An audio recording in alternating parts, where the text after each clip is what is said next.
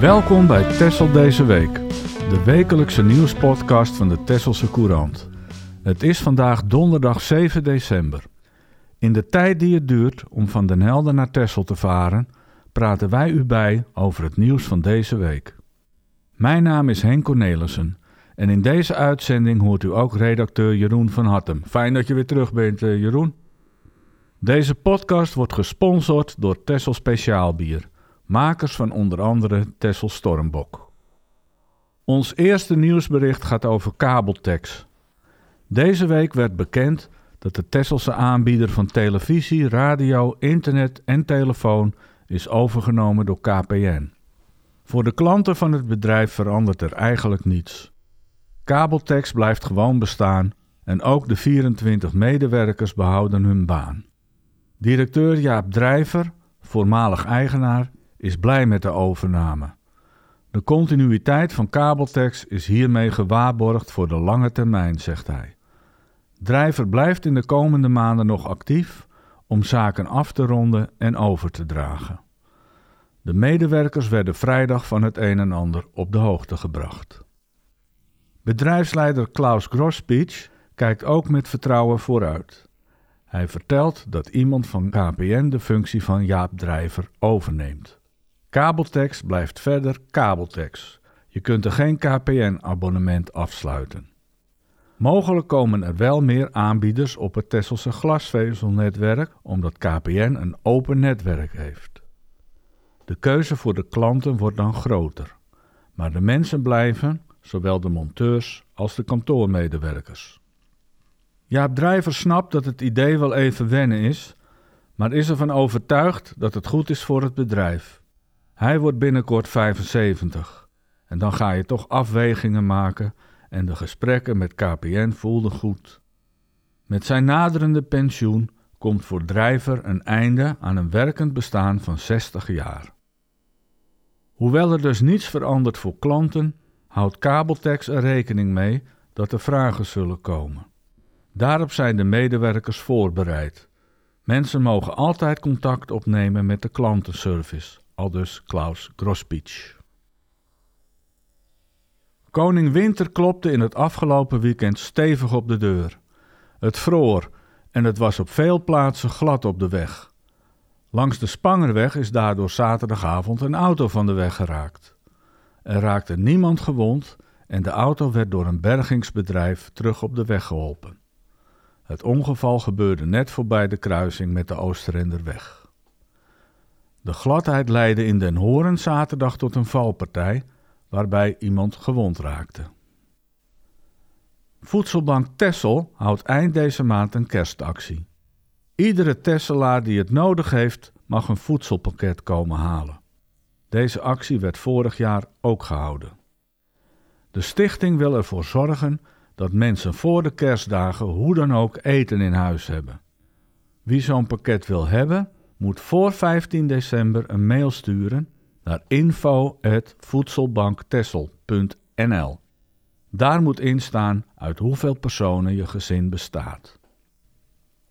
Voor structurele hulp door de voedselbank bekijkt een hulpverlener van de gemeente of je daarvoor in aanmerking komt. Dat is op basis van het inkomen. Maar voor deze noodpakketten met kerst wordt een andere regeling aangesproken, waarbij eenmalig een pakket kan worden aangeboden.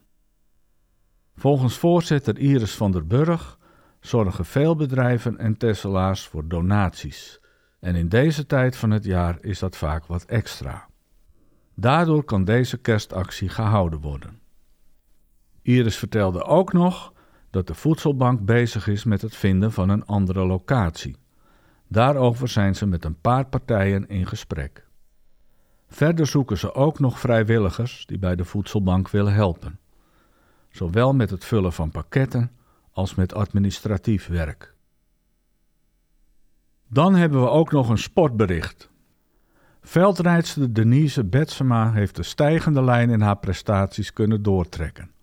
In Boom werd ze zaterdag zesde en tijdens een wedstrijd om de wereldbeker in Flamanville eindigde ze op de vierde plek.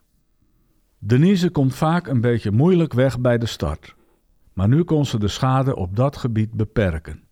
Ze kwam met wat geluk om een paar valpartijen heen en reed daardoor in beide wedstrijden al binnen een halve ronde vooraan mee. Het scheelde voor haar heel veel energie dat ze niet lang hoefde te achtervolgen. Die kon ze nu goed gebruiken in het vervolg van de wedstrijd. In Boom, tussen Antwerpen en Brussel ligt dat, stonden de superfavorieten Fem van Empel en Puk Pietersen ook aan de start. Met name van Empel domineert tot nu toe het veldrijden bij de dames. Zelfs wielertalent van het jaar, Puk Pietersen, kon haar zaterdag niet volgen. Daarachter werd flink gestreden om de derde plek op het podium. Annemarie Worst trok daarvoor aan het langste eind en in de slotfase moest Denise ook Inge van der Heijden en Aniek van Alphen nog voor laten gaan. Een dag later, rond het kasteel van Flamanville in Frankrijk, waren die posities omgedraaid. Daar wist Denise deze drie concurrentes wel achter zich te laten. Ze finishte als vierde achter winnares Lucinda Brandt, de Luxemburgse Marie Schreiber en haar jonge ploeggenote Leonie Bentveld, die verrassend derde werd. Het zal Denise goed doen dat ze zich weer vooraan in het veld heeft kunnen tonen. Dat geeft moraal voor de drukke periode die nu aanbreekt. Net als veel van haar concurrentes gaat Denise deze week op trainingsstage. Haar volgende twee wedstrijden zijn op zaterdag 16 december in Herentals en zondag 17 december in Namen. En dat is ook weer in België. En dan is er weer nieuws over de mysterieuze olifant. De eerste keer dook hij op bij de ijsbaan in Den Burg, waar hij een dag langs de Emmelaan heeft gestaan. Daarna stond hij bij camping Kogerstrand en dinsdag dook hij op in Oosterend, op het plein van de voormalige school met de Bijbel, en woensdag in Den Horen. Het patroon dat zich aftekent is dat het steeds plekken zijn die de laatste tijd in het nieuws zijn geweest. Over een nieuwe inrichting van de ijsbaan is veel gesproken. Bovendien deed de komst van Hans Klok hier in de zomer veel stof opwaaien. De brug bij camping Kogelstrand werd afgekeurd en is intussen gesloopt. Er moet een nieuwe geplaatst worden of naar een andere oplossing worden gezocht. En in Oosterend zijn op de plek van de school plannen voor woningen. Datzelfde geldt op de plek van de drijverschool in Den Horen. Een detail de olifant keek in Oosterend recht in de huiskamer van onze redacteur Gerard Timmerman.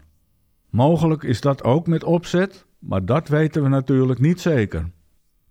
We zijn er benieuwd naar waar de olifant nog meer op gaat duiken en welke personen achter deze actie zitten. Naast de olifant was er nog een dwaalgast te zien op het eiland. Jules van Bakel uit Eindhoven zag vrijdagavond tot zijn verbijstering een kangeroe oversteken toen hij op de oorsprong wegreed.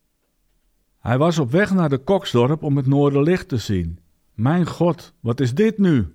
Wat zat er in de laatste jutter, waren de gedachten die opkwamen in het hoofd van de Brabander. Hij kende het verhaal over de ontsnapte kangeroe toen nog niet. Boer Henk van der Star kreeg de wallaby begin oktober voor zijn 70ste verjaardag van zijn familie. Maar in het tumult van de feestavond wist deze kleine kangeroe te ontsnappen en schoot ze tussen de feestgangers door naar buiten. Sindsdien is er weinig meer van vernomen, tot afgelopen vrijdag dus. Op nog geen honderd meter van de boerderij stak het dier de weg over. Volgens Henk van der Star zit de kangeroe al een week of vijf in een bosje vlak bij zijn boerderij. Hij strooit nu en dan wat voer om het dier wat tammer te krijgen en te kunnen vangen. Maar die pogingen zijn tot nu toe zonder succes. Hopelijk gaat dat toch een keer lukken, zegt Van der Star. Hij is van plan om dan nog een wallaby erbij te kopen, zodat ze elkaar gezelschap kunnen houden. Komende dinsdag is het oude Sinterklaas.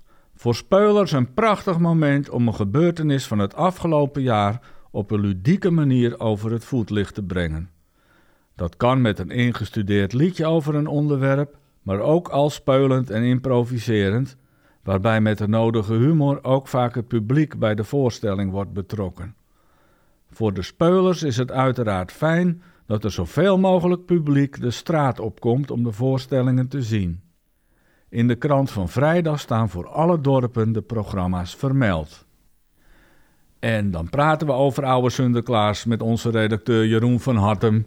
Leuk dat je er bent, heb Ja. ik al gezegd. Maar Dank jij hebt iets te vertellen over eh, de traditie van oude Sinterklaas en aanverwante zaken. Uiteraard, we maken graag even een vooruitblik. Het is overigens wel leuk met eh, een walibi en een olifant. Eh, dat zijn wel dankbare onderwerpen in aanloop naar oude Sinterklaas. Zeker, ja. Olifant ligt er wat dik bovenop. Die walibi, dat is dan eh, nou, door de omstandigheden.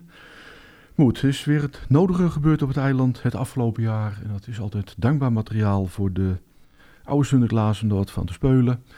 We hebben morgen in de krant hebben een overzicht van waar allemaal gespeeld wordt in de dorpen komende dinsdag. En we hebben ook een speciale pagina gemaakt met nog allemaal dingen die afgelopen jaar zijn gebeurd. Voor de mensen die op het laatst nog wat aan het bedenken zijn of nog niet helemaal weten wat ze wel of niet zouden moeten doen. Of op het laatste moment gewoon beginnen, dat kan hier ook wel eens gebeuren. Mooie pagina, wie weet zit er wat tussen om te denken van hé, hey, hier kan ik wel mee. En eh, nou, dan hopen we dat, ja, zeggen we, komende dinsdag ook veel eh, voorstellingen zijn her en der in de dorpen. En dat er ook weer volop eh, gespeeld wordt. En dat het hopelijk niet al te koud is. Want ik zeg, behalve speulen is het ook heel belangrijk dat er voldoende kijkers zijn. Is voor de speulers wel zo leuk en ook voor de kijkers en voor het geheel. Dus of speulen of kijken. En eh, nou, hopelijk wordt het weer gewoon een, eh, een mooie avond. Heb je zelf wel eens gespeeld? eh, Nee. Nee, nee. Oh, ja. ja. Ik heb één rol en dat is eh, verslaggever in Koksdorp. Nou, dat is ook mans genoeg, dat vind, lijkt ik, me. vind ik een hartstikke leuke rol. Oké. Want daar spelen ze nog in de huiskamers. Dat gaat nog op de meest traditionele manier. En nou, ik vind dat hartstikke leuk om daar in de huiskamer te zitten en te zien wat er allemaal voorbij komt. Oké. Dan wilde je geloof ik ook nog iets vertellen over de andere Waddeneilanden. Of ga je dat straks doen? Nee hoor, het is wel even Ja. aardig om eh, mee te nemen. Zeker Ja. nu eh, Ameland eh, nou, helaas wat vervelend in het nieuws is. Ja. Maar goed, oude Sinterklaas staat niet op zich. Alle eilanden is wel aardig, die hebben een soortgelijke traditie. Dus hier oude Sinterklaas. Vlieland heeft dan zijn opkleden. Dat gaan mensen gaan verkleed langs de huizen. Maar ik begreep dat daar de bedoeling is dat je eigenlijk niks zegt. En dat ze in de, huis, in de woonkamers raden nou, wie wat voorbij komt. Oh ja. Of wat er wordt uitgebeeld. Terschelling heeft zijn eh, Sunderum. Dat is ook op straat en eh, in de huiskamers. En, eh, nou ja, Ameland heeft dan Sinterklaas. Dat is van oudsher gewoon de meest op zichzelf staande feest. Dat ook gewoon echt puur alleen bij hun voor de eilanders is. Geven ze ook altijd aan toeristen van alle kanten van harte welkom. Gewoon die avond 5 en 6 december, of alleen, ja, 5 en 6 december, is gewoon het eiland even voor hunzelf. En Schiermonnik Oogst wel aardig, die hebben Klozum. Dat is ook eh, verkleed langs de huizen en op straat. En hetzelfde ook gewoon een feest eh, voor elkaar. Ja, oké. En het grappige is, het zijn allemaal feesten die al eeuwenlang meegaan, wat ik heb eh, begrepen. Ja. Ooit ontstaan zijn en mede dankzij de wat geïsoleerde liggingen van de eiland altijd hebben overleefd en zijn blijven bestaan. ja. Heb je enig idee hoeveel honderd jaar het geleden is dat het hier op Texel ooit ergens is begonnen? Nou ja, ik kan 100 jaar roepen en ik kan 1000 jaar roepen, dus toch geen Geen mensen die kunnen controleren. Dus het is, houd me op 1000 is jaar. niemand die dat nog weet. Nou, geweldig. nee, dus- ja, oké. Maar zo hoort het ook wel een beetje. Het moet Ja. ook een beetje mysterie blijven misschien Daarom, wel. het, eh, het is Ja. er, het bestaat en eh, Oké. En dat is mooi genoeg. juist. Dankjewel. En dan gaan we nu verder met de vooruitblik op het komende weekend. In de oude kleedkamers van SVO aan de Vliesstraat in Oosterend wordt komende zaterdag een verkoop gehouden van tweedehands kerstartikelen. De opbrengst is voor goede doelen in Oosterend. Een mooie kans om voor een prikkie te zorgen dat je er gezellig bij zit in de weken rond kerst en oud en nieuw. Je bent van harte welkom tussen 11 en 3 uur. Zondag is in het Horenderkerkje een optreden van het a cappella ensemble Barbers and Bishops uit Haarlem. Het concert is in onze krant helaas per abuis aangekondigd voor de zaterdag, maar het is dus op zondag en het begint om drie uur. Onze excuses aan heel Den Horen, zullen we maar zeggen. Eh, tot slot, de gebruikelijke vraag. Jeroen, welk nieuwsbericht is jou deze week opgevallen? Nou ja, in lijn met eh, waar we het net over hadden met de oude Sinterklaas, volgt natuurlijk ook wat er gebeurt op eh, Ameland. En ik kijk er met wat verbazing naar, naar eh, vooral zo'n landelijke omroep die denkt, wij zullen daar eens eventjes eh, nou ja, opnames maken, terwijl het gewoon alle kanten duidelijk is van er kan heel veel. Maar respecteer nou gewoon, op dat moment is er een feest, dat is van die Amelanders, is gewoon voor hunzelf. Sessa.